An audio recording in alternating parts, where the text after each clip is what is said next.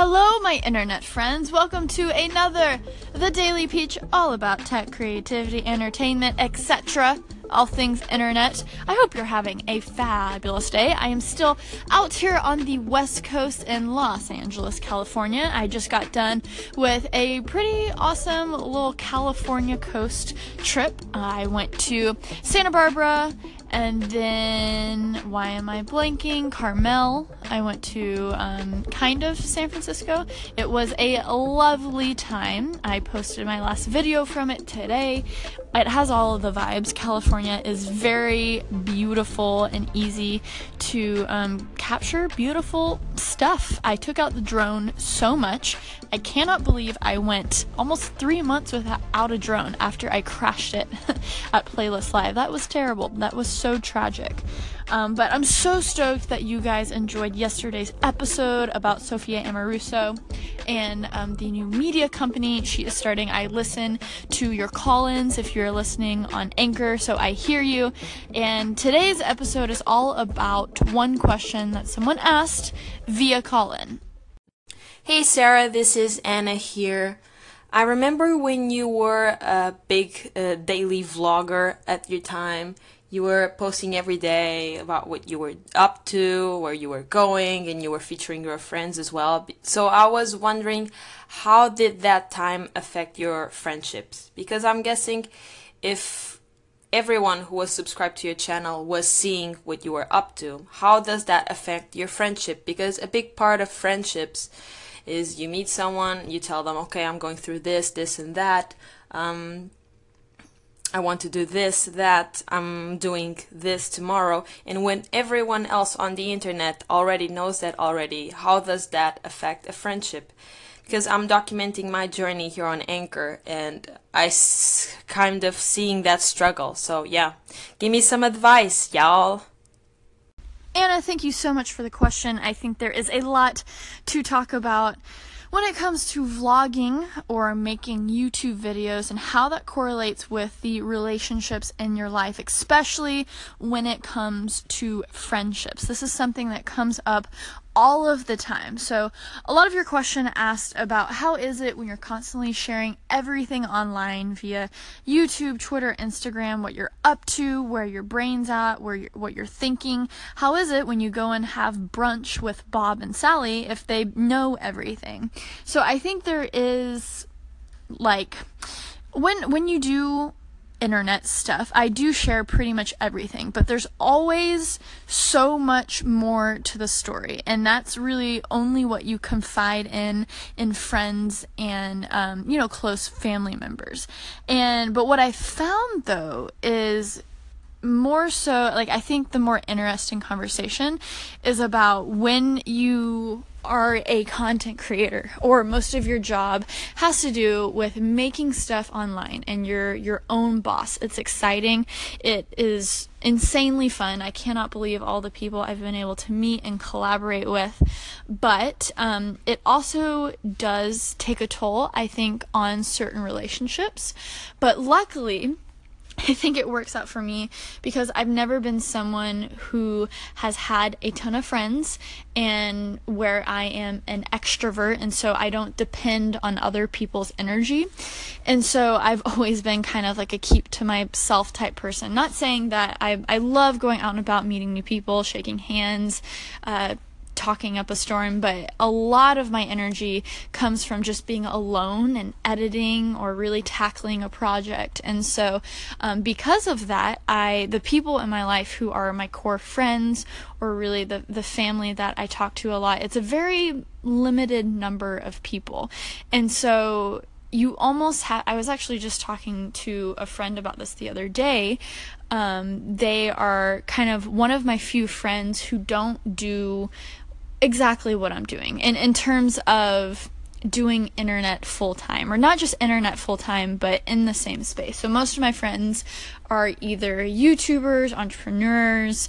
Um, they they do some form of kind of like self employment, where they understand the the load of work that is constantly on me, but also when we hang out, it's almost like, yes, we're hanging out, but we're also working together. So it's almost like killing two birds with one stone.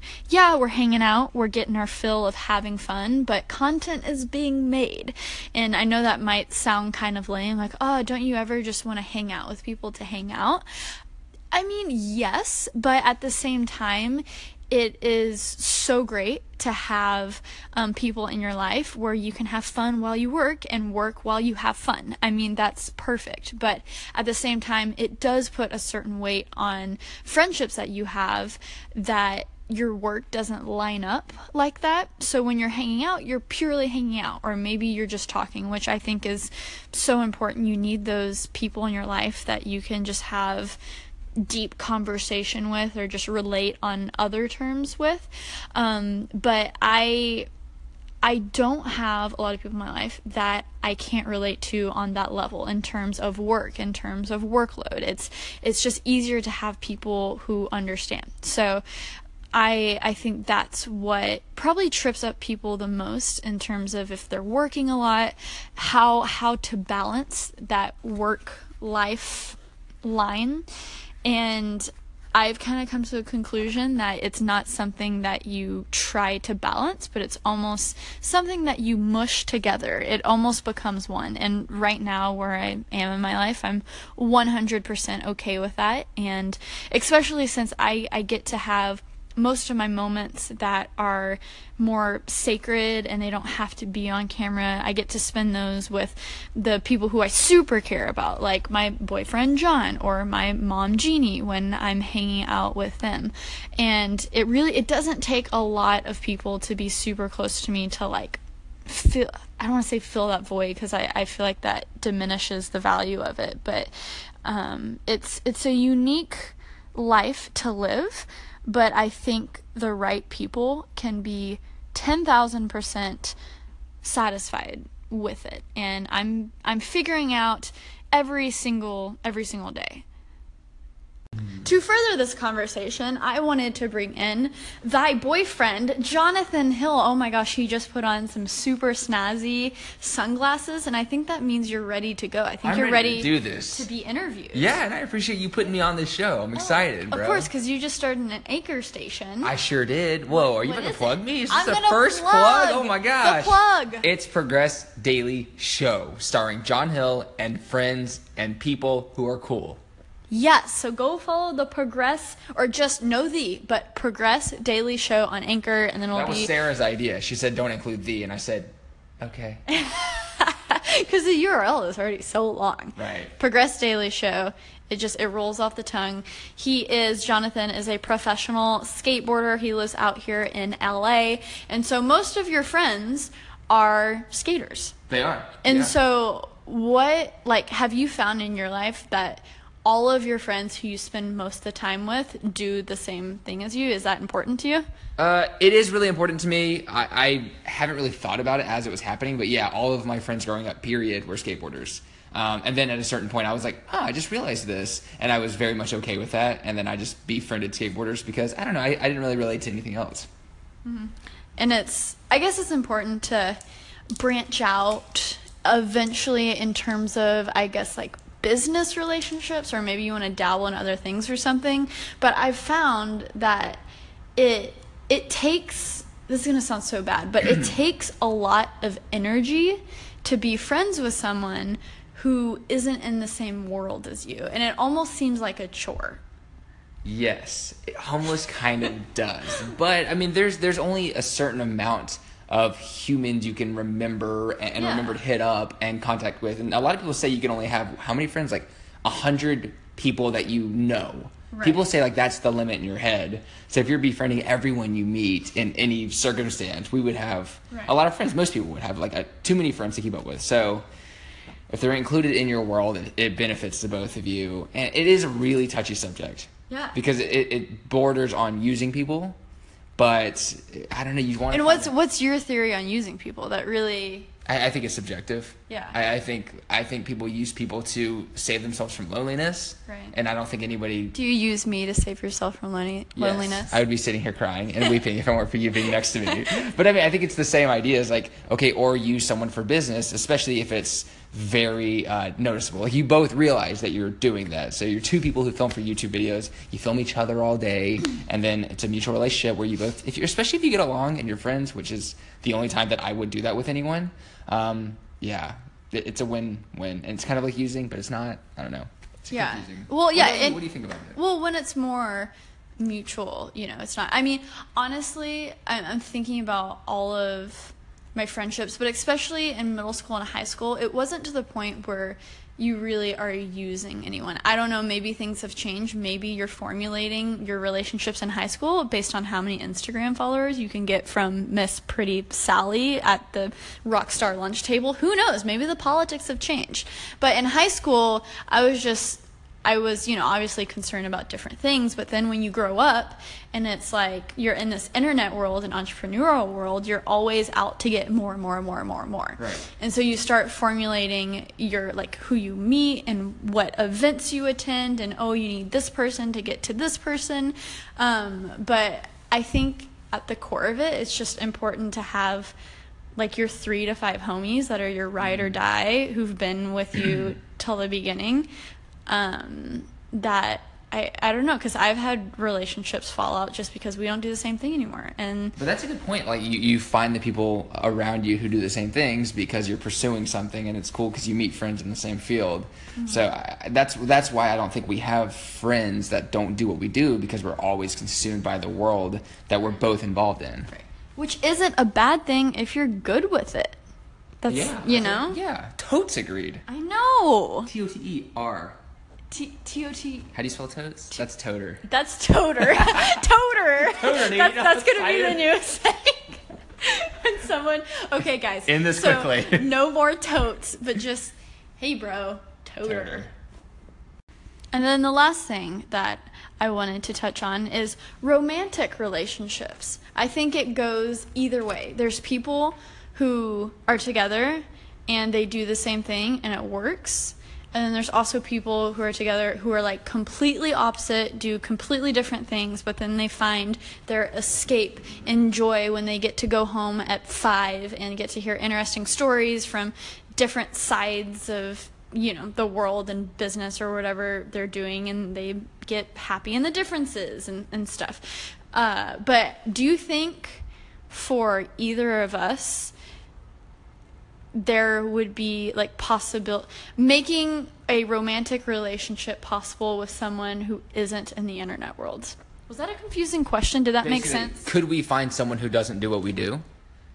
would, would it yeah would it have longevity Uh, I don't. I don't think so. The longevity part confuses me because I just don't think it would start. Right, I don't think. I don't think right, you would take right. the investment Yes. in the first place. Yes. Um, yeah. Which, I, yeah. I don't know. That's pretty much. Yeah. toter Toter. You know what I'm saying? No, um, because I, because I think what's the best thing about us being together is also probably the most stressful thing, but I wouldn't have it like any other way. Like the fact that we can go out and shoot videos together, but also have fun together Yes. is like the best. Well, that's also what we love to do. Yeah. So we both get to do what we love to do the most with the people that we love the most.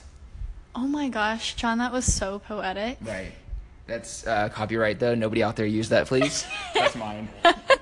That is Toter. yours. Don't- don't steal that either. Toter. Now I want it. Yes, TM, trademark copyright. Well, I'm just going to end it right there. Last words Yes. I, I want to end on. Today was the eclipse. Ooh yeah. Were you, how, your thoughts on the eclipse? Oh, we actually have. Yeah, we actually yeah, got it kind of the a fun story. possible way, right? So I rarely talk to my family. That sounded really sad. Okay, well, I hate them. my family, we, we just don't talk as often as I feel like we should. So today they called me and we had this amazing conversation. It was FaceTimed and they're like, yo, experience the eclipse with us because we're in the mecca of it. They were in mm-hmm. South Carolina, which is where you need to be. And Sarah Dietschy has never met my family or kind No. of no, known very little. So she got to sit there and like watch my parents and my brother behave with me while seeing this insane eclipse. Because in California, it was cool. Yeah, it was decent. It was fine. Yeah. But in South Carolina and a couple other places in this country, it goes completely black. The street lights cut on. The dogs freak out. If you mm-hmm. live on a farm, the animals go to sleep. very odd for like three whole minutes. And when it was happening, my brother literally, the neighborhood of people started screaming, and he just starts yelling. And he like afterwards he called me and was like, "Yo, like this might sound sad, but that was one of the coolest moments in the last couple of years of my life." And it, all that happened is it got dark for two minutes, but it was. But yeah, because we sat there and watched the entire thing on FaceTime, and it was insane because in a matter of minutes, it went from completely bright to it looks like your brother was FaceTiming us at 10 p.m. at night. Yeah, it was it was amazing. It was Yeah. beautiful, and I think everybody felt that. That magic. impact of it. it was like literally because everybody who posted about it was just like, "This world is a beautiful place." like it was amazing. Make sure to go outside more. That's some advice that probably we could take. No, we're doing we're doing okay. We aight. We I I say we good, Toter. Well, John, thank you so much for being on the Daily P. You know you have a beautiful voice. Maybe Dude. maybe you should start singing on Progress Daily Show. You know what's crazy? I've never sung before, and that's cool that you couldn't tell. So maybe I should start that now. A career in singing. Well, guys, call in. Let John know should he start a career in singing, but also let me know your thoughts on friendship and relationships and internet and working a lot. Um, I think the best thing that I have figured out with you, Jonathan, is to slow down a little bit and enjoy life a little bit more. You know what? I, I just see you as a total eclipse of the heart. All right. On that note, you guys have the best day ever. Happy hustling. I will hear you tomorrow. I'll listen. I, you know, I, I always say see you tomorrow, I'll but it's audio. I will speak to you tomorrow.